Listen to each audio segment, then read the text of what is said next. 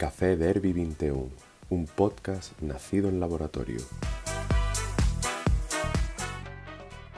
Punto Gal, o dominio galego na rede, colabora con Café Derby 21. Podes visitarnos en dominio.gal. Benvidas, benvidos, benvides, aquí estamos unha semana máis, por suposto, no Café Derby 21. E hoxe, bueno, vou a contar o de sempre, non? Que estamos super agradecidos a dominio.gal por apoiarnos, pero que hoxe o agradecemento xa veredes por qué é moitísimo maior porque, bueno, estaremos con xente que igual algo ten que ver con este punto gal fantástico que sempre recomendamos neste programa. E con eles, aparte pois de eloxar a esta maravillosa empresa, pois tamén imos tomar algo. Si, sí, imos tomar algo tamén de outra empresa. Eh, imos eloxiar o seu produto eh, un produto que, polo que me comentan, esgotouse nos supermercados, que están os lineais baleiros, porque que seica que ten un efecto no corpo, que, bueno, eh, no programa de hoxe seguro que temos oco para falar un pouco de, de ciencia e que podemos falar dos efectos maravillosos que ten pois que as vacas estén ben cuidadiñas, que as cousas sexan como foron toda a vida, porque o leite de deleite, cuidado, eh? Porque cuidado, xa sabemos que é moi xenuíno, moi seleccionado, pero que vai moi ben para todo. Con que o imos tomar? Eso xa o día dirían. Pois imos tomar co outro gran programa da Rede Galega, parte de nós, que é un programa que conforman Javi Balea e Raíña Vermella e Balea Vermella. Benvidas. Benvidas. Hola, que tal? Moitas grazas. Hola, Rafa Cedes, moitas grazas. Este a vosa casa xa, eh? A miña bueno, un poquinho, pues, sí. Eu sei xa repetidora. Eh, é veterana xa do programa aquí. Sí, a verdade, eh, temos que pensar algo así para os que veñen xa un par de veces. Temos que regalarvos algo. Bla... Sí. Que queredes? Que queredes? Leite, que escasean. Unha taciña. Eu, a mí gustaría unha taza de café derbi. Eu creo que hai que ah. meterse ah. no, no mundo do merchan, eh? Sí, claro. A ver, eh, o tema que deberías tela. Sí. Porque hai moita xente da primeira temporada que ten esa data, esa cunca existiu. Sí, sí, sí. Entregouse en, en eventos, en catro eventos que hubo aquí en Galicia, entregáronse moi exclusivas. Claro, que oh, ao ser repetidora eu faltei a clase. E faltei claro, ao, bueno faltei ao Culturgal e non me tocou Cunca de Café Verde. No, dimoslle unha a Ola Xon Mario que puxo en Wallapop a 1000 euros a vender. Sí. As próximas camisetas do Laxo Mario xa sabedes con que cartas ah, as Efectivamente. Isto é eh, micromecenazgos que facemos nós. Eu, eu cunca non teño, pero teño un colante de Café Derby, eh? moi orgulloso, ademais. Oye, eh, eh. É verdade. Bueno, Aquí, que se un, non, teño, teño varios que, que se saiba, eh, collín varios. Estaba, creo que estaban Carme e, eh, e Adri, Nico estaba falando con Berto, nese momento e dixen que podo, podo coller aquí uns cantos para repartir. Ah, sí, sí, collos que queiras. Sí, sí. Ti estás seguro de que estaba falando e eu non estaría escoitando. Bueno. bueno, veña, que Ahí. nos atascamos, que nos atascamos. eh... Que co collín un para darlle a Iria, por certo. E aínda claro. non nos vimos daquelas. No. ya pasaron cinco anos, eh? Básicamente. bueno, eh, que nos atascamos aquí no inicio. Vale a vermella. Eh, nas vosas propias palabras, para que non vos coñeza, que sodes? Se miran intensamente. Arranca, Eu. Pois eh, somos un accidente, por así decirlo. Non, somos pois eh, unha canle de Twitch como outra calquera, só que eh, non o que facemos é falar sobre temas científicos, sobre temas relacionados coa ciencia, e decido de accidente porque eh, foi un feliz accidente grazas a que Ecos de Xigantes, que é outra canle de divulgación científica que, que hai en Twitch, que está formada por eh, Diego, por Carmela e por Darío, que son eh, tres divulgadores científicos sensacionais que temos eh, no país, bueno, no país non, están fora. Eh, pero, por no país, no están, país. están en emigración, pero bueno, son, son galegos. Eh, e nada, a, a raíz de, do primeiro directo que fixeron, eh, alá por principios de 2021, nos mirámoslo e dixemos, oye, pois isto de Twitch non sabíamos moito de Twitch, só de, de oídas un pouco e de, de algún directo eu recordo cando empezou o Recuncho Game, por exemplo, e, e a iniciativa de Twitch en galego, pero bueno, miramos ese primeiro directo de, de Cos de Gigantes e dixemos, ois, ese... nos animamos nós con isto, de feito, este ano subimos unha conversa que tivemos que foi eh, montamos concienciadas en Twitch eh, a raíz diso foi, bueno, concienciadas foi un proxecto anterior que tivemos que por desgraza pola pandemia non nos saiu moi alá e tivemos que renunciar a él e ao final retomamos iso de outra forma e convertimos iso en, en balea vermella non sei se eu estou dicindo ben Iria, pero... Sí, sí, eu tive unha vivencia semellante. Realmente, eh, Javi e eu coñecémonos, non sei que ano era, 2016, en...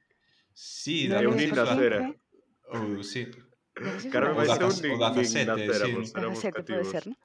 Eh, eu creo que foi así como que, o sea, coñecémonos, eh, tivemos claro que queríamos facer cousas xuntos.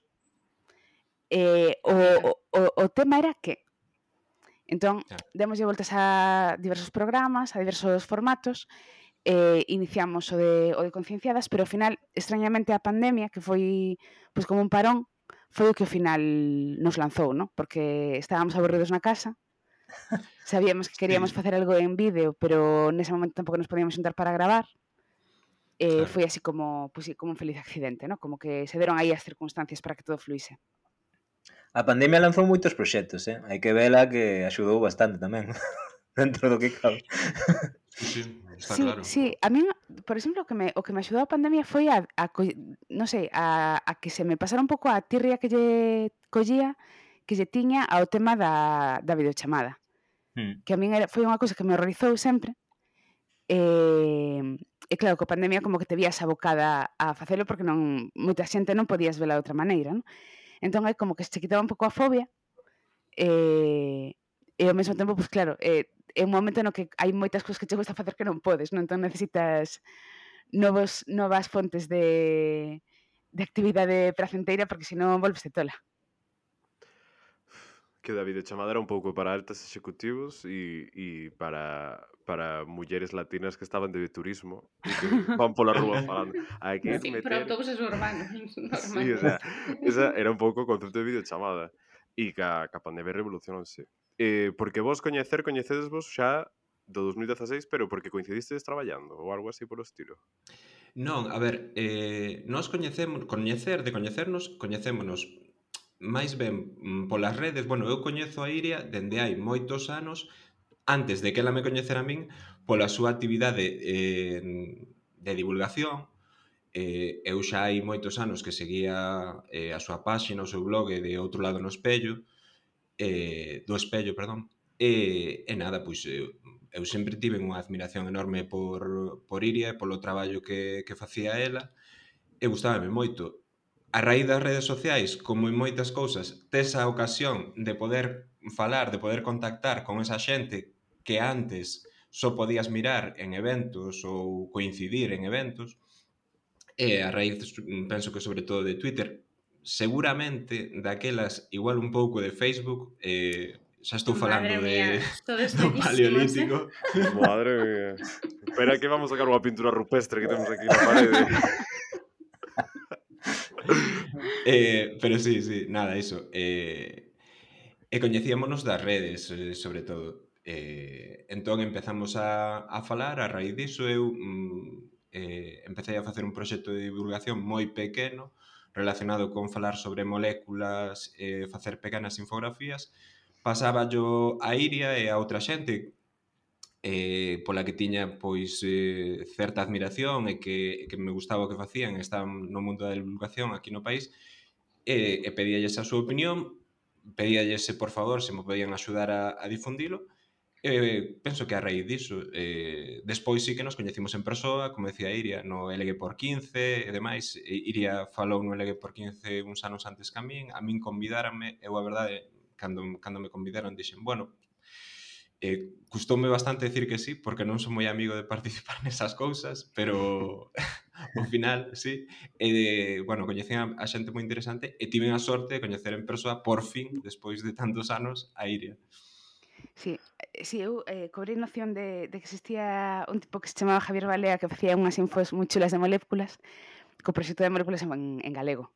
Eh, Javier moi modesto e sempre tende como a quitarse méritos, pero realmente foi eu creo que posiblemente das iniciativas divulgadoras con máis seguimento, polo menos hasta ese momento. E era un formato moi chulo e eh, tivo moitísima difusión.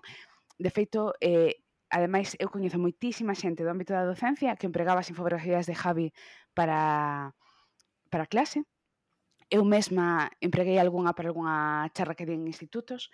Eh, creo que foi un proxecto eh, que se difundiu moitísimo e que estaba super supercurrado.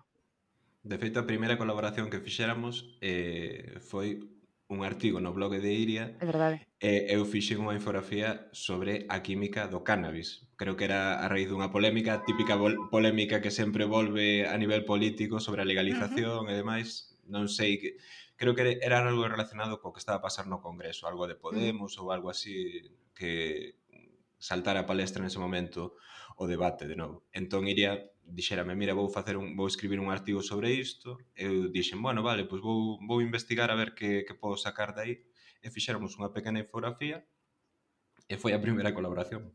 Sí, sí. Que bonito, eso es todo unha parella. Parece que estamos Uy. aquí eh, reunión de, de non crise. eh, precioso, ao borde das baguas estou agora. Logo ímos facer concurso tipo destes que facían nos programas dos 90 que, que te, facemos unha pregunta e tedes que levantar un, unha, unha pizarra os dous a ver, que... a ver o que coñeces a outra persoa sí, claro. ou estes trends de TikTok que hai agora de quen é o máis dos dous e que se sinala ah, o outro ah, oh. tamén, sí. quen é o máis egoísta ou quen é o máis eh, maniático ¿no? Uf. Unha pena polo, que polo ben de Balea Vermella. Si, sí, polo ben de Balea Vermella non imos facer Mellor, mellor Non vai a ser que... Eh, bueno, falabades agora, non, de moitos proxectos de divulgación, tanto en redes como facendo, digamos, cousas un pouco máis alá de igual eh, difundir mediante a palabra en tweets, non, como as infografías de Javi e todo isto. Eu cando teño diante como xente así que te despois imagino esa vocación científica por as vosas profesións, pero tamén, eh, aparte diso, como que gastades unha morea de tempo eh, e de ganas e de ingenio en divulgar cara aos demais, eh, de onde sae esa, esa motivación, non? Por que facer infografías de moléculas cando podes estar, pois, vendo Netflix? Tomando cañas. Por exemplo, exacto. No, no meu caso, ahora que mencionas as infografías das moléculas e máis, no meu caso foi eh, unha fan de eh, querer mm, concienciar a sociedade mm, en torno á química. Eh, hai como na nosa sociedade aínda a día de hoxe hai como moita quimifobia, non? Que non sei se este termo está recollido no, no dicionario, pero utilízase moito. Eh, eh, hai como eh, un, unha crenza de que mm, incluso a utilización da palabra química como algo malo, con connotacións negativas, non? eh, eu quería intentar pois desterrar certas ideas que existen ou certos mitos que existen cara a química e, e bueno, busquei a forma de facelo mm, que me podía mm, supor pois eh, a maior comunicación con xente que non coñezo. O sea, a min non son unha persoa que, como decía antes, non, non son unha persoa que me, que me dedique a dar charlas por aí, ni moito menos, pero sí que son unha persoa que, que me gusta moito estar nas, nas redes sociais e dixen, bueno, pois mira, utilizando Twitter e como decía antes, Facebook tamén e, e Instagram, cando, cando empecé coas moléculas aparecía o logo de Facebook aí. Eh, hai moitos anos diso, eh, non? non está justificado, pero hai moitos anos. Pero tipo, eh, cal é a entón, entón recompensa, entón, sabes? Porque ¿Cómo? eu, eu entendo eu entendo, non? De decir, vai, petéceme pois comunicar isto, ou sinto que hai como este mal na sociedade e imos a erradicalo, pero que ganas? Porque pois mm, xerar un pouco de debate quizáis e mm, intentar que haxa xente que non coñece profundo... Mira, eu eh, si sei que xente que me falaba que non tiña ni idea de moitos procesos químicos que se daban no día a día ou mm, como de presente pode estar a química no, no día a día eh, e dicir, pois mira, non era consciente disto e quizáis tiña uns prexuizos cara, cara a química que grazas ao que me estás contando, pois non os teño. Non quere decir isto que, que a química sexa algo malo ou bo, simplemente é algo que está na, no noso mundo, punto. Non, non, non... Depende como utilices, depende eh, o uso que lle deas. É un superpoder, basicamente, non? depende en que mans. Está guai. E pola túa parte, Iria? Pois agora que un pouco pensando no tema da recompensa, porque nunca nunca o vira así. Eh, eu creo que teño bastante clara a resposta a por que facer divulgación, que que eu cheguei á ciencia a través da divulgación. Mm. Eh, escollen unha profesión científica porque consumín divulgación, non? E porque eh, meus pais, a pesar de que eh, os dous se dedican a profesións relacionadas co ensino, coas, coas letras, poderíamos dicir, non? Eh, Ollo que dis que estás nunha, nunha, nun lugar de letras, eh? Sí, sí, sí, por eso. Mi, mira, miña nai, ademais, eu sempre digo que é unha rara avis porque miña nai é profe de mates, pero despois... Como dixo... miña? Sí? Pero eu saín mal, que son... Claro, miña nai é profe de mates, pero eh, despois fixo filoloxía hispánica e sempre se dedicou a ensinar lingua. Entón, eu creo que me quedou aí como ese xen sabes, que miña nai non acabou dedicándose a iso, pero que había algo aí como que eh, facía que eu tivera que resarcir non? Esa, esa renunza familiar. Entón, eles, aínda que non eran persoas que se dedicaran profesionalmente a iso, eh, si que eran persoas con a mentalidade son, son persoas con mentalidade científica e eh, sempre nos interesaron moito a mí e a miña irmá por cuestións científicas, non? Entón, pois eu tiven acceso dende moi pequena a moita divulgación e a, a cousas moi chulas, non? E, de alguna maneira, cando eu tiven algo que dicir, mm, sí que me apetecía moito compartilo. No? Apetecíame moito como eh, dar un retorno, non sei como decirlo. No? Como mm. para mí fora importante, pois pues, eh, entendía que para, para outra xente podía ser importante tamén. Eh, cal é a recompensa? Es, esa é unha moi boa pregunta. Eu non sabería decir cal é para min a recompensa orixinal de facer divulgación. Creo que eh, posiblemente é máis unha cuestión de que da, do agradecemento que eu sinto cara a xente que fai divulgación e da necesidade de poñer como o meu graniño de area, non? Hmm. pero creo que a recompensa secundaria é eh, coñecer xente que de outra maneira non teria coñecido creo que non é o motivo polo que eu empecé, pero creo que sí que é unha das cousas que a día de hoxe me resultan máis satisfactorias. Non? Non, eu non teria coñecido a Javi posiblemente se non fixera divulgación, non vos sí. teria coñecido a vos, eh, non teria coñecido a moita outra xente maravillosa. Claro, eh, é que non coñecernos a nós, eso... Claro, porque eso resta puntos na vida, queres que non. Eh, unha cousa que... Pero que a min pásame co, coa ciencia e tal, e que dende o, o mundo de Big Man, que, que foi o único de ciencia que disfrutei de, na vida, eh, sempre a ciencia parece así un pouco difícil, non? Así para, para o gran público, chamémoslle. É unha cousa así difícil. Como é divulgar a ciencia e facela accesible? Agora que dixo do mundo de Big Man, nós temos que decir que en Twitch que hai como tipo descrear os teus emojis, e que a xente do chat poida utilizar emojis se se suscribe ou se gasta determinados puntos, non? Pois eh, Bueno, alguén vive nun barrio polémico. Eh, eu son, vivo, vivo preto dos mallos. Madre mía, como está iso? E a, e a preguntar quen está en Ucrania de corresponsal. No é Lugo, é simplemente Lugo. Lugo, é Lugo. Non, non, non é fake. No, no. Ok.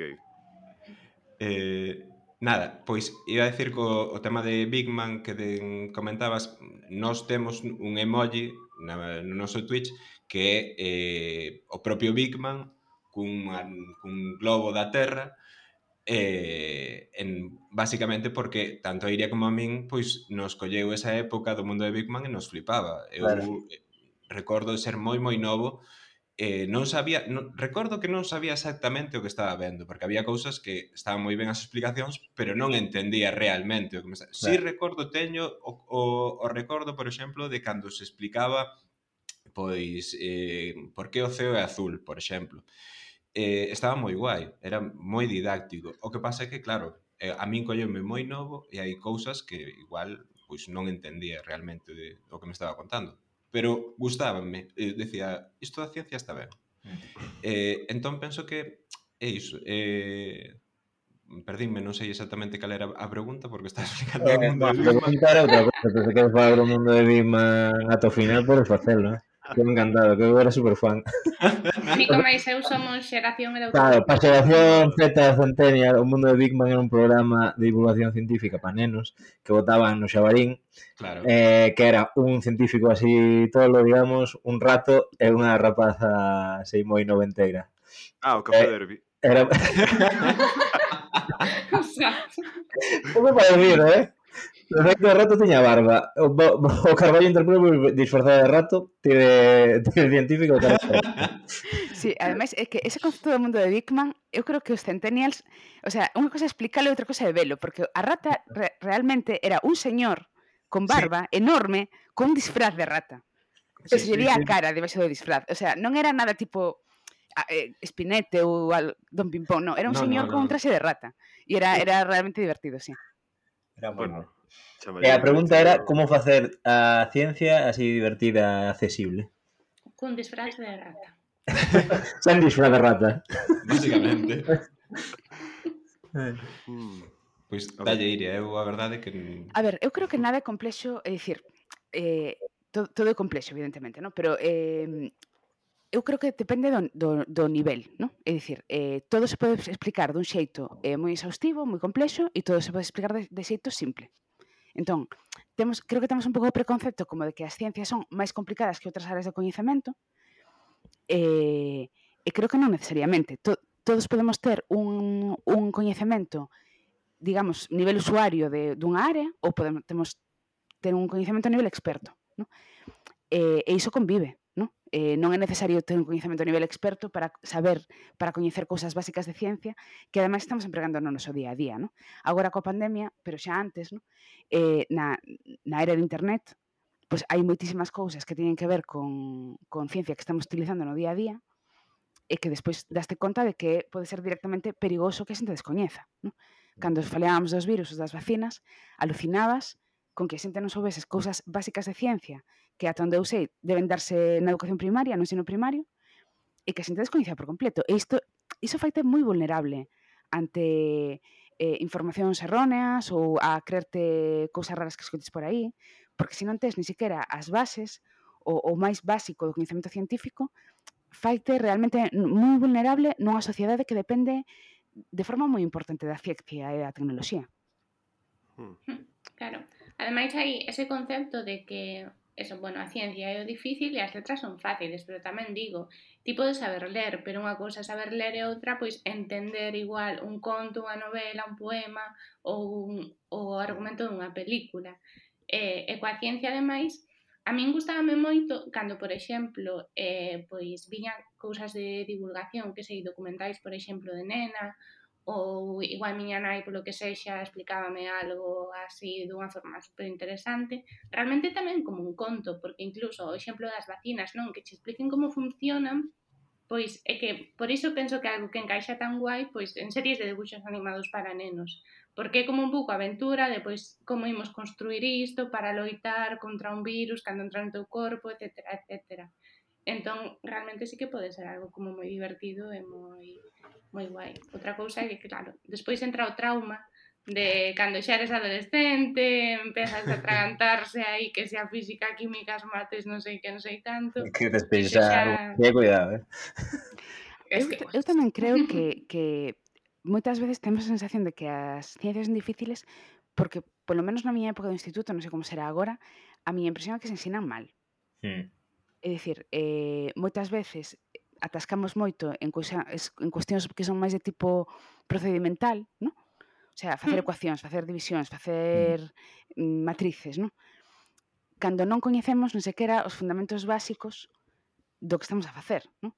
Ou, por exemplo, eh, podemos coñecer eu acórdame de estudar, por exemplo, os vertebrados, ¿no? os distintos tipos de vertebrados, pero a mí nunca me explicaron nin a teoría de evolución, nin cal é o método científico, como se chega a xerar ese coñecemento, no? Entón, ao final, ás veces aprendes como eh, series de datos que para ti non teñen ningún sentido, que posiblemente non vas lembrar. Eu non lembro a clasificación dos artrópodos nin dos bivalvos, e que sobre todo non sabes de onde sae, non? É dicir, iso non está así na natureza, iso houve un señor que se dedicou a facer iso por unha serie de motivos, non? Mm. E, e mm. pode, pode aparecer un, un animal mañán que faga que a túa clasificación de artrópodos teña que cambiar, ¿no? como cambiou, por exemplo, a clasificación dos seres humanos. Eh, e iso non quen, quen apareceu para cambiar a clasificación dos seres humanos? Que me perdín? Bueno, apareceron máis apareceron máis especies humanas aparte do Homo sapiens, non? Ah, vale, vale. Decía. A ver se si chegar alguén. No a, ver, si, a ver se si nos perdimos algo, non? Claro, que dicir. Eu é que fun a un colexo concertado co cal até os 16 anos a miña teoría de evolución era eh, Dios. Lo hizo un mago, ¿no? Como hizo. Efectivamente.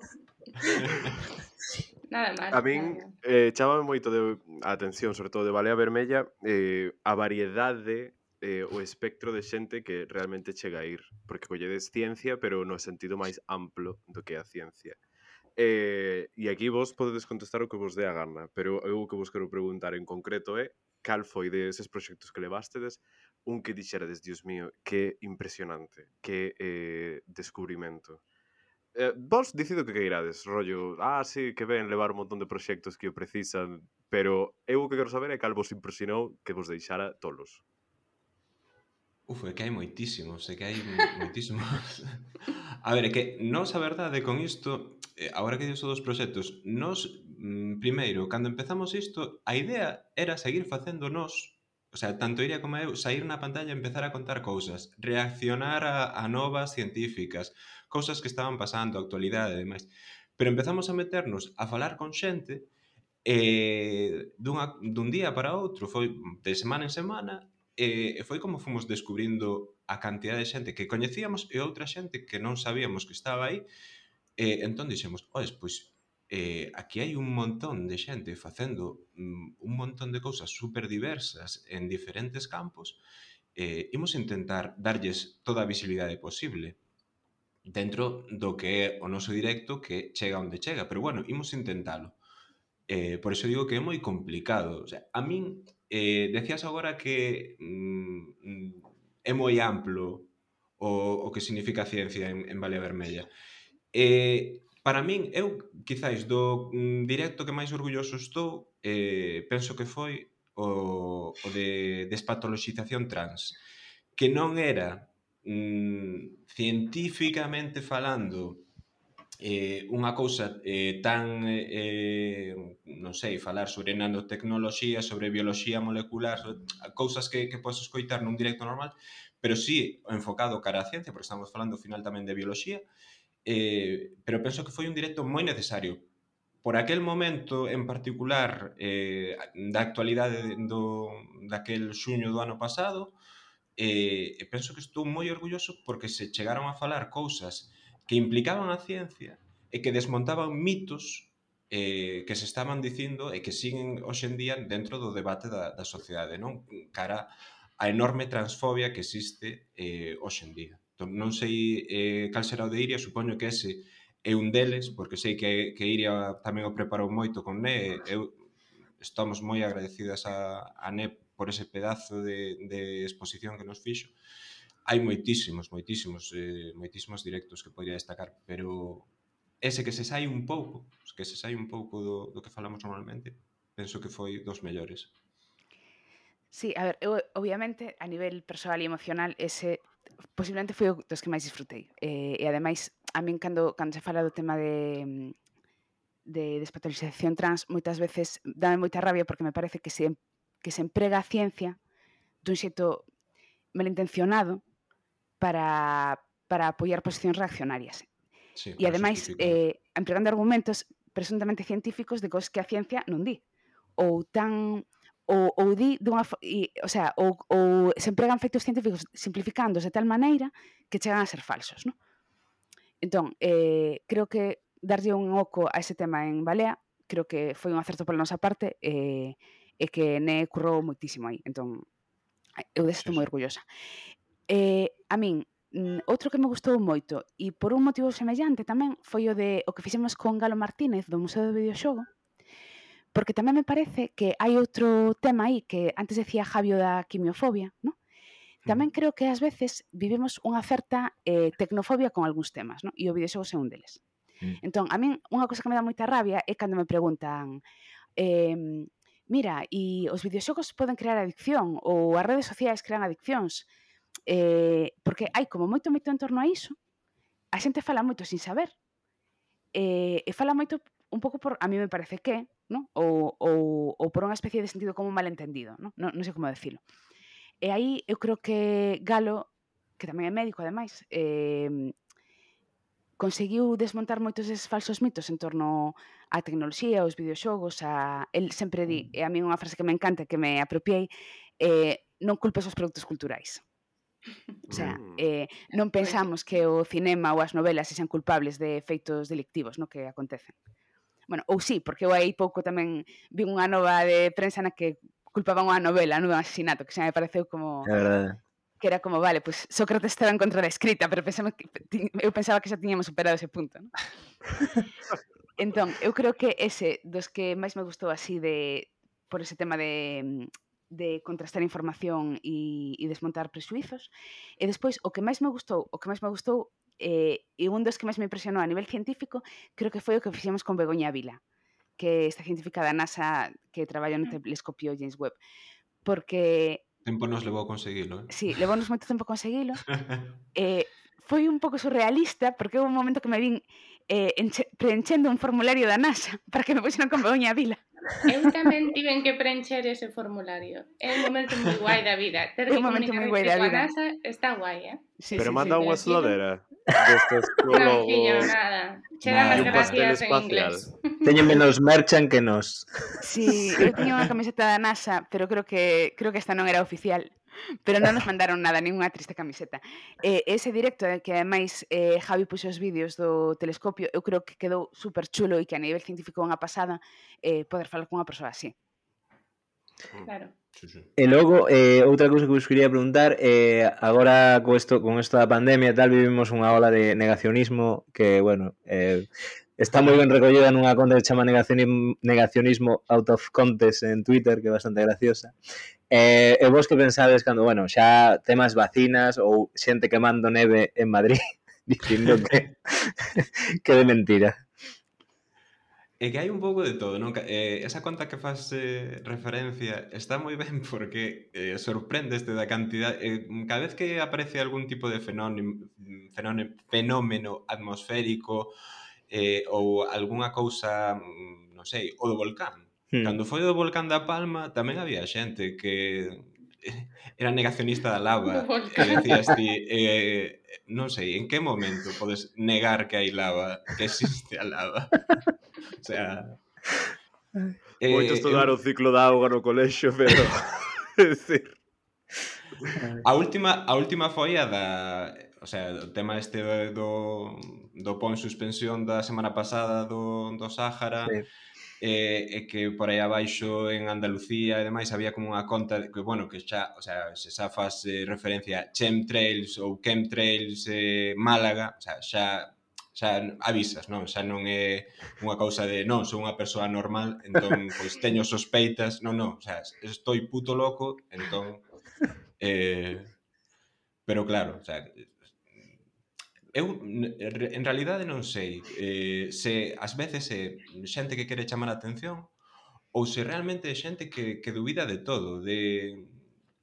Porque, joder, xa o máximo foi eh, a teoría que, que mm, tamén saiu esta semana ou a semana pasada dunha persoa que negaba que existiran os mares e os océanos. Sí, que eran eu balsas... Vino Eu vino. Eu Eran balsas, balsas creadas polos gobernos para ah. ternos aí entretidos. Dir, claro. O show de Truman. Era, o show de Truman, sí, basicamente. Dir, eh, aparte referíase como a... Eh, bueno, supoño que me estás a falar eh, de ese oco que hai entre nós eh, que reencheron eh, cun producto que pode denominarse H2O, en plan, falaban nestes termos e dicía, sí, sí, sí, sí, sí, Dios sí. mío bendito, asísteme. Sí, sí, sí. Es, a ver, as teorías terrible, da terrible. conspiración son divertidas, eh.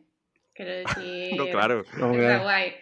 E aquí no temos experiencia de época universitaria de pasar unha noite vendo vídeos cutres de YouTube Eu vira un, vira un documental sobre eh, terraplanistas, en plan E o que me parecía interesante é que esa xente, eu penso, teña a sensación de que era terraplanista por estar integrados nun movimento, e por facer amigos e por eh, facerse notar, digamos. Como este apuntes aeróbic, pero co terraplanismo, non? Claro. Máis cómodo. A, a pandilla non é a pandilla do gimnasio, é a pandilla do Congreso Terraplanista. Eu, eu que estou, supoño que iría tamén, eu que estou un pouco en contra da xente que, sobre todo a través das redes sociais, e que se dedica a, incluso profesionalmente a facer divulgación científica, ademais, que eh, trate estes temas dunha forma prepotente, non? De que mm. trate a esta xente, a ver, eu digo aquí en confianza, eh, ademais, pero mm, que trate a xente directamente o que os insulte, non? Que diga, non, es que tú eres estúpido, entón xa non hai nada que facer contigo, non? eh, cando simplemente tes que ir con argumentos científicos explicar eh, por que se deben eses fenómenos, e xa está. Se non lles vale a explicación, pois mira, eh, vale, sinto moito. O sea, eu douche unha explicación claro. e así eh, ti podes dubidar, vale, perfecto. A ver, unha persoa que, como estábamos dicindo, unha persoa que dubida que existan os mares e os océanos, pois, home, a ver, é complicado non sei, que se afunda e que, non sei... Non, eu escoitaría, eh?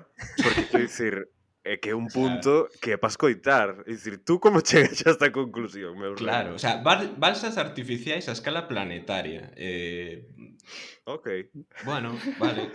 bueno, non hai que esquecer no que sei. tivemos tivemos un presidente que dixo aquela frase fantástica de "Bo- esto es un pouco como la lluvia que ocurre pero non se sabe moi bien por qué. que cae del cielo sin que nadie sepa muy bien por qué. Un primo meteorólogo, dixo, eh, empezaba así, era un rollo Sí, Esto maravilloso. Tamén era o que tiña un primo que decía que o cambio climático non existía, non? cambio Era. É verdade. É verdade. Que primos. Eh, que para... Foi sorpresa con que a xente do común diga barbaridades, sabes? Efectivamente. Pa para min o que falabas da prepotencia, para min o meu favorito foi o que vacinaran unha señora e dixo gracias a Dios. Eh, sí. Gracias a Dios no, gracias a la ciencia, señora. Pobre señora Araceli, mira, eh, de verdad, meterse con esa dama. Por favor. Sí, sí, sí. A primeira motomami. Claro, non lembraba, terrible. Araceli é unha profe. A ver que, que vas ti a mandar a planar a Araceli, por Dios. Pero, pero Iria, ti desde a psiquiatría eh, podes eh, argumentar iso de que se sinten rollo eh, gregarios nun grupo, de que teñen esa, esa necesidade? A ver, eh, isto, o que vou dicir a partir de agora é opinión persoal, puramente. Eh? Mm.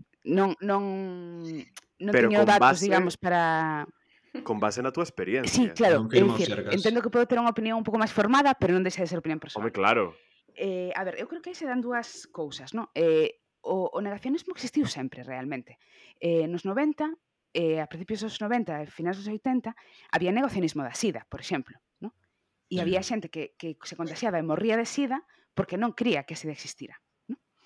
Entón, eh, eu creo que agora o, o que estamos asistindo é a que, claro, a difusión deste tipo de fenómenos é moito máis doada e estamos continuamente escoitando de xente que nega calquera locura, non incluído o mar, porque as redes sociais fan de altavoz.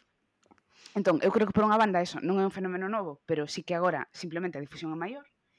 E despois por outra banda, eh, en canto a, aos motivos psíquicos que están detrás diso, eu creo que pode haber como varias eh, varias explicacións e que igual para non para todas as persoas funcionan a mesma explicación. É dicir, creo que dentro deste tipo de grupos pode haber persoas que, que nos dicimos que teñen unha personalidade eh, esquizo, esquizotípica, vale?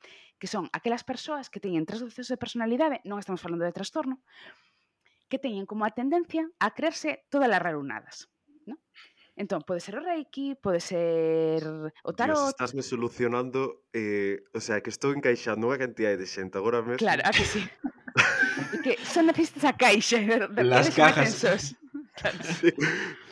Entón, ese, ese tipo de peña, ese tipo de xente, é unha porcentaxe da poboación. Entón, eh, da igual cal sexa o fenómeno que esa xente existe e se vai adherir a determinadas correntes ou determinados movimentos, porque digamos que o pensamento máxico funciona para eles.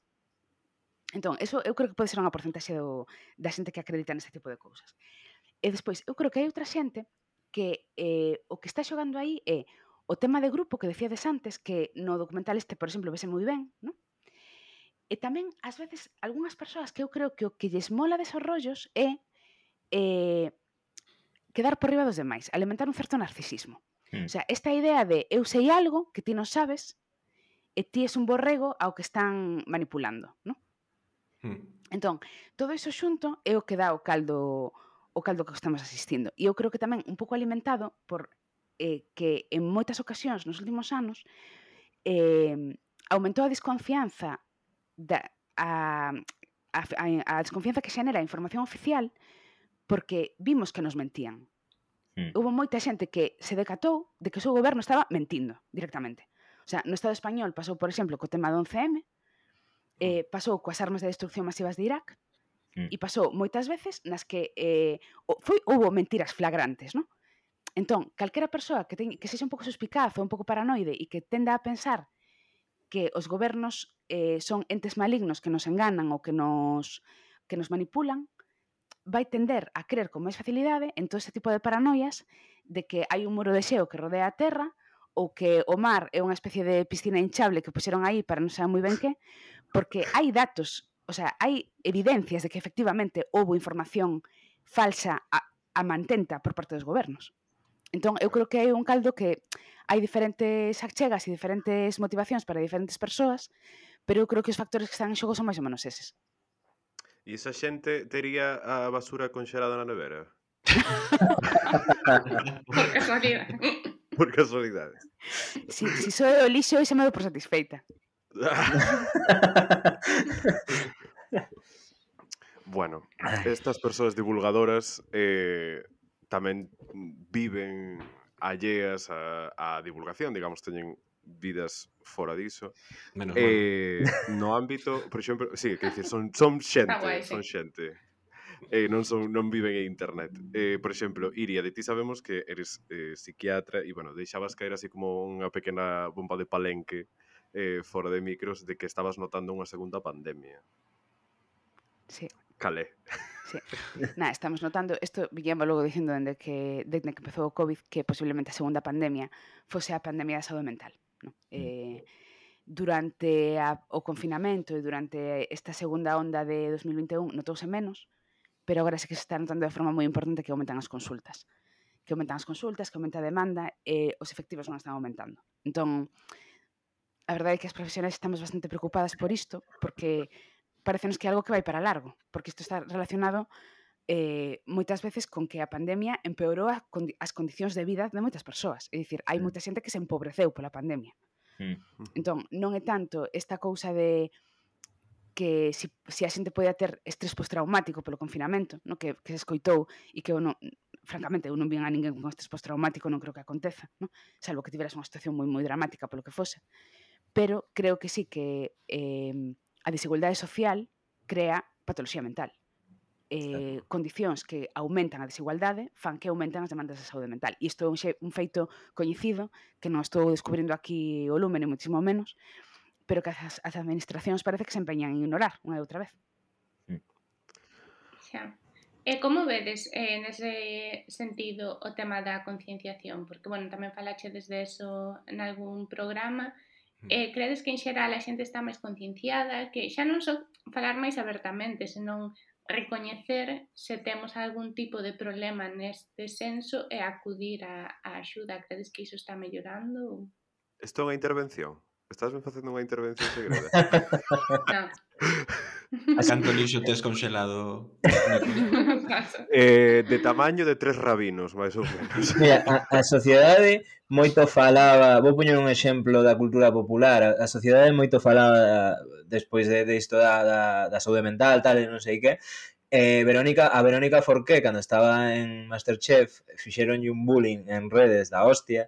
Logo, pasou o que pasou, e, eh, bueno, botou a xente todas as más a cabeza, tal, non sei que, pero houve outros casos de xente famosa que lle volveron a facer bullying despois do de Verónica Forqué, ou seja, concienciación penso que é pouca. De cara a galería, sí, pero logo no, na realidade non tanta. Por alusións. Sí. non, disto, disto que máis ten que falar é iría que é quen sabe. Eu a verdade só eh, dame impresión de que si é certo que houbo como Mm, non sei se concienciación é a palabra, pero sí que un grado mm, maior de coñecemento de que existe un problema, non? Tamén o, o que me parece que pasou, polo menos do que teño lido por redes e así, que hai como unha especie de banalización tamén da saúde mental, non? De que Mm, por, e, e Iria dixo moitas veces, e, e incluso en charlas, da diferenza entre o que é estar deprimido e o que é simplemente estar triste. Hmm. Non, que ti podes estar triste por calquera cousa, é totalmente normal, eh, pero non é o mesmo que estar deprimido. Ou como se utiliza ás veces na linguaxe, eh, decir depresión post-vacacional, non? O sea, a ninguén lle apetece volver das vacacións, o chollo non é unha depresión, é simplemente que non che apetece, a ninguén lle apetece. Igual que non che apetece madrugar por obrigación. Eh, pois eu penso que, que o que está acontecendo moitas veces é esa certa banalización da saúde mental, de que todos temos ansiedade, todos temos depresión, todos estamos fatal por isto, polo outro, non? E hai graos, e hai diagnoses, de, diagnósticos, e, jová, eh, a mí pareceme que é un erro, porque se todos estamos mal, ninguén está mal. Mm. Mm. Sí, completamente. Ou incluso cando eh, a xente di cosas do tipo de no, é que todos necesitamos ir ao psicólogo. Xa, Home, a ver. xa. Terapia, todo o mundo ten que ir a Claro. terapia. Eh, ti, ti podes querer ir ao psicólogo como un proxecto de crecemento persoal, ¿no? pero cando dis que necesitas ir ao psicólogo, enténdese que che pasa algo. Mm. É dicir, ninguén di que todos necesitamos ir ao cardiólogo, ¿no? claro que... a que é como ir ao gimnasio, en plan, é, é case un complemento en Malasaña, eh, é zona... Claro, así. claro, é, todos necesitamos facer exercicio, sí, todos necesitamos ir ao psicólogo, no, o sea, no, no necesariamente, no? Eh, sí que é verdade que, a ver, eu entendo un pouco eh, que a banalización ás veces tamén ven de que, eh, claro, cando, cando, cando empezas a ir no, un fenómeno, moitas veces digamos que se hipertrofia ata unha medida que igual é máis algo do razonable, ¿no? E iso pasa un pouco con todo, ¿no? Eh, posiblemente isto teña que cobrar a súa dimensión real, ¿no? Pero, dende logo, eu creo que pasar de que non se fale en absoluto a que ese é un tema que polo menos está arriba da mesa, ainda que ás veces non se xa da mellor maneira ou non se xa da maneira adecuada ou falemos de depresión cando nos referimos simplemente a estados de ánimo negativo, polo menos permítenos falar disto, ¿no? Permítenos debater e permítenos eh, sentar as bases de que iso é algo do que se pode falar. E, e despois, eh, que tamén era algo que comentaba eu con vos no, no directo que ao que me convidaxedes, eu creo que aquí hai, hai un problema xeracional. É dicir, creo que nós, eh, e sobre todo a xente, os centennials, no? incluso máis que os millennials, son Gracias. máis capaces de falar destas cousas, eh, os, os xe e os boomers son completamente incapaces de falar destas cousas. E tiñe un problema con iso. Entón, eh, eh, creo que se, se fala máis porque hai xente que xa ten voz e xa pode falar e ten outro tipo de achegar este tipo de, de, de problemas. Sí, sí, totalmente. Eu teño unha pregunta e, unha, e un melón que abrir. Eh, vou pola pregunta porque penso que só pode contestar Iria porque, quen sabe, o malón podemos entrar todos a él. A pregunta é Iria. Vino en Twitter esta semana. Eh, unha persoa que está indo 10 anos ao psicólogo está sendo timada? Seguidos. Eu vin ese tweet tamén. Ah, eu tamén. Boa pregunta. Eu tamén o vin. A ver, eh, That's a very good question. Sí, Mira, eh, no, no, eu creo que a resposta é non necesariamente, pero deberías polo menos ter que desconfiar. É dicir, Hai persoas que poden ter, por exemplo, trastornos da personalidade que fagan que necesiten apoio psicoterapéutico de forma prácticamente indefinida. Mm. Hmm. É dicir, por exemplo, unha persoa con trastorno límite, con unha dificultade grande de control de, de inestabilidade emocional e de control das súas emocións, igual necesita eh, ir a un psicólogo de forma máis ou menos indefinida. Non quere decir que vaya catro veces a semana, nin que vaya todos os días, pero igual necesita ter un psicólogo de man para controlar determinados estados emocionais ou determinados momentos da súa vida. E iso non quere Pero... dicir que estean timando. Por exemplo, estes famosos que vemos que fa... Bueno, famosos... Non vou dar nomes. Aquí prometo que non vou dar nomes. Pero estes famosos que están eh, co tema da ansiedade. De, ah, temos trastornos da ansiedade. Dez anos de terapia de psicología para eh, regular un tema de trastorno da ansiedade. Claro, aí, aí é outra parte. É dicir, eh, o que decía moita xente nese fío e que eu tamén lin é eh, se ti estás facendo unha terapia cognitivo-conductual de control da ansiedade, ¿eh? eso estamos falando de 10, 15, al, ao sumo 20 sesións. Se levas 10 anos, algo hai, hai aí que non está funcionando. Mm. Entón, eu creo que unha cousa son estructuras de personalidade que, que requiran ese apoio mm, pues, en, en determinados momentos da súa vida, e outra cousa é que te vais ao psicólogo para solucionar un problema concreto, e que te tires de zonas en terapia. Eu creo que aí deberías, mm, non sei, reflexionar sobre si realmente estás sendo eficaz. Pero reflexionar fora de terapia, porque... Sí, sí, reflexionar fora de terapia. Sí. E votar, e votar contas, sobre todo, reflexionar co teu contable. Eu quero preguntarvos outra cosa que vi en Twitter está relacionada coa ciencia que por que todos os estudiantes de medicina sacan fotos cos apuntes. Aquí, por humor, Javi Balea, que é experto en facer memes, a fábrica de memes de Galicia, literalmente. Eu estou un pouco aburrido dese meme, sinceramente, porque sai cada mes sai unha persoa nova, ademais, o a última persoa que se fixo viral con iso era unha persoa que nin sequera médico nin nada, non sei de onde sacou a foto, porque ademais é gracioso, porque destas cousas entras no perfil da persoa e puña enxeñeiro de non sei que e digo, ah, vale, perfecto, estupendo. Genial. Free marketing. Pero, pero que... Enxeñeiro do corpo con, con iso, eu non, non sei, o sea, eu iría é, é médica e non é así, eu coñezo moita xente que, que é médico e que non é así. O que pasa é que non sei que clase de complexo hai de algunha xente para publicar esas cousas en Twitter, supoño que haberá máis xente que, que o fai outras carreiras, pero particularmente mm, hai como un clic aí en, en medicina que ou, ou a xente que fai a, a, a min a, que máis gracia me fixo non foi a, a xente esta que publica os libros e os apuntamentos e máis, non, non había unha que decía que estudou 99 gigabytes ah, de, sí. de apuntamentos e digo, ah, estupendo, fantástico e Sabedes, isto cando interviu Rajoy non hai moito no Congreso que e, pois, pues, exactamente igual, e que me queres contar? 99 xigas de que? Vale. Vale. claro, é que tú botas eso en internet e despois hai unha persoa como esta que colle os 10 segundos que lle interesa e vai no convertir na súa broma semanal e vas a ser... Eh, claro. Puching ball, literalmente, de redes. Sí, sí. Pero mira, eu non, non, non vou defender a xente de medicina porque eu creo que hai cosas que son defendibles. Pero sí que é verdade que, que é verdade, o sea, en serio. Eu se, sempre conto, eu os meus amigos de sempre da universidade non son da carreira. Eu tiña o meu grupito de amigos da carreira, pero eu non me relacionaba moito con xente de medicina por estas movidas. O sea, es que porque non había Twitter naquela, pero que... hai este tipo de persoas, non? Sí. E eu creo que tamén aí o que está detrás é eh, claro, cantista de medicina veste moitas veces eh, marchando antes de festas non saindo días que xa todo o mundo eh, renunciando a vida social para estudar Entón, eu creo que é unha especie como de, de resarcimento de, vale, somos uns miserables, porque o somos, pero pero mira, o sea, como, como de facer alarde tamén de, de todo o que traballamos, porque de alguna maneira tenche que compensar iso a algún nivel. Claro, entón, salvar te, vidas. Que pensas que se estuda máis que noutras carreiras? Mm, a ver, creo que se estuda de outra maneira. Porque eu penso non? que hai Non eu penso que, que hai esa máis. crenza de que, de que se estuda máis, de que como eh, son máis anos, de que son uns contidos no. diferentes. O que pasa que, mira, eh, en, en medicina eu sempre dixen, o sea, eh, si tes un hámster un pouco listo, saca medicina.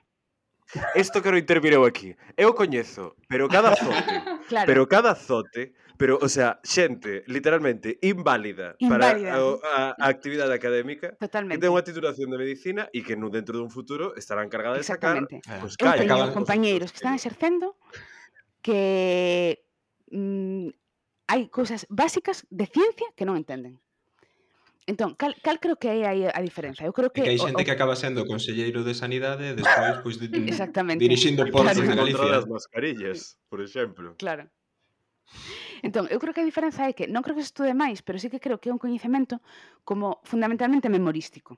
Mm. Entón, claro, eh, impresiona moito levantar as pilas de apuntes porque tes que memorizar un montón de datos que son absurdos, que está en calquera medimecum, que non vas recordar, e que o único que tens que facer é vomitar nun exame. Entón, por iso esas pilas de apuntes. Non creo que haxe que estudar máis, creo que é un estudo moi mal enfocado, mm. eh, diferente das outras, das outras disciplinas que eu entendo que ti se faz, por exemplo, pois, por decir unha outra carreira que é como tradicionalmente entendida como difícil, non? Pois eu que sei, unha enxeñería ou arquitectura ou algo así, eu entendo que ti aí aprendes a facer cousas. É dicir, hai un coñecemento un pouco máis aplicado, non te chapas manuais. Mm Entón, eu creo que un pouco a diferencia é esa. Hmm. Yo estabas falando de acumular listas de contido e veume os nosos estudos de radio E, bueno, mira, é que iso eh. Ah, é verdade. Bueno, é unha cousa que coñecerá a xente que estudou xornalismo en Santiago. É unha cousa así de memorística que flipamos, eh? Non estamos preparados para iso. 99 xigas non podemos cun mega. o sea, pero aparte absolutamente inútil. Estamos falando de eh, cousas como tipo de música, oito tipoloxías de música, que nada, nada, simplemente o nome. Non foi falla sí, no, que expliques que non nada. tiñas nin que entender o que era, era simplemente decir os nomes de cousas. Claro. ah, terrible. Pero que ese, ese tipo de estudo é ridículo a día de hoxe. Sí, sí, sí, totalmente. Sí, claro. Sí. Logo que porque non lle a clase, pois pues non sei, revísate. bueno, facemos o xogo. Amiga, amiga date cuenta, non? Amiga date cuenta.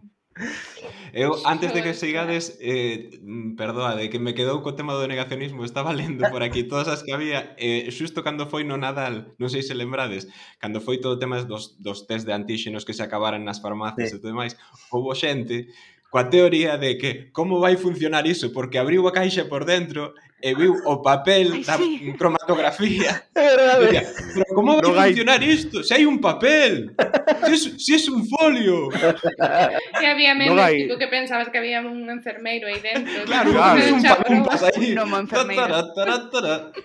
Ai, Dios mío, estás dicindo que en cada test non pego un unha maricurí pequeña. dentro. Un señores aí pipeteando, pa, pa, pa, veña. Ah, que, botou, abres, que botou o cuspe, dalle, pa, pa, pa. E abres así o paquetiño e dices, cierre, hombre, cierre. eh, por favor. Madre mía. Terrible. Bueno, o xogo. O xogo. Que elixan unha cor os dous ou unha cor cada un? Uf. Que, no, a que lleguen a consenso. El programa consenso. tan bonito con esa relación. Vale, consenso. consenso. Dindes en pack, como se fora des o Team Rocket. eh, eh, bueno, o xogo xa o coñeceredes. Eh, non todavía non, non, non ordenamos os equipos, non fixemos recopilación dos equipos. É unha cousa que temos que facer en algún momento. E eh, eh, nada, o, que, que podemos facer esta semana cos equipos? ideas? Abrir, sí, abrir, abrir un test, de En cadea. Tun, Vamos tun, formar tun, un, un, un movimento negacionista de algo. Claro. Pois pues internet. bueno, Ellos sí. moi contentos con esa idea, eh? sí, sí, Los de ciencia super contentos con esta propuesta. eh, o xogo amarelo, violeta ou laranxa? Que elixides? Entre os dous, eh? Tedes que elixir o a cor entre os dous. Sí, sí. Mm, eu Violeta, diría, vale, non? É Que levo sen gañar moitísimo tempo, eh? A verdade, agora que penso. Pois nada, eh, xa non me acordo como se despedía este programa. eh, moitísimas grazas por, por devolvernos a visita. Bueno, sí, por devolvernos a visita. Eh, que viva Punto Gal. que viva Punto Gal. Que viva Punto Gal. Eh, e Deleite tamén, que está moi boa. A ver, Eh, é que, é que non, non queda moi bo, está, está moi bo, perdón, que falei mal. Ah, sí, porque... Era. Eh, e eh, nada, eh, para despedir vou poñer unha canción dun amigo do programa eh, que sacou fai pouco cunha rapaza que se chama Mariña, ele, bueno, a canción é de Berto, Berto Mariña, que se chama O teu mandil. E bueno, ao mellor temos que traer a, a esta rapaza algún día. Ai, nunca se sabe. Ai, bueno, pois pues, Suspense. otro mandil.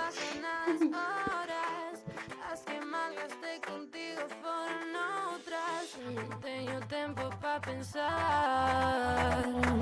Me entretengo ya con nada. Las tuas palabras es que hicieron quedar. Ya marcharon por un mar. Siento que no es para mí. Siento que no sé salir de aquí. Terremoto hasta el sorrir. Tormento que anhelo está por vir Hai terceira teu mandil. Quemado e atado a sufrir. Comendo que me sacia mil. Harto de cociñar pa ti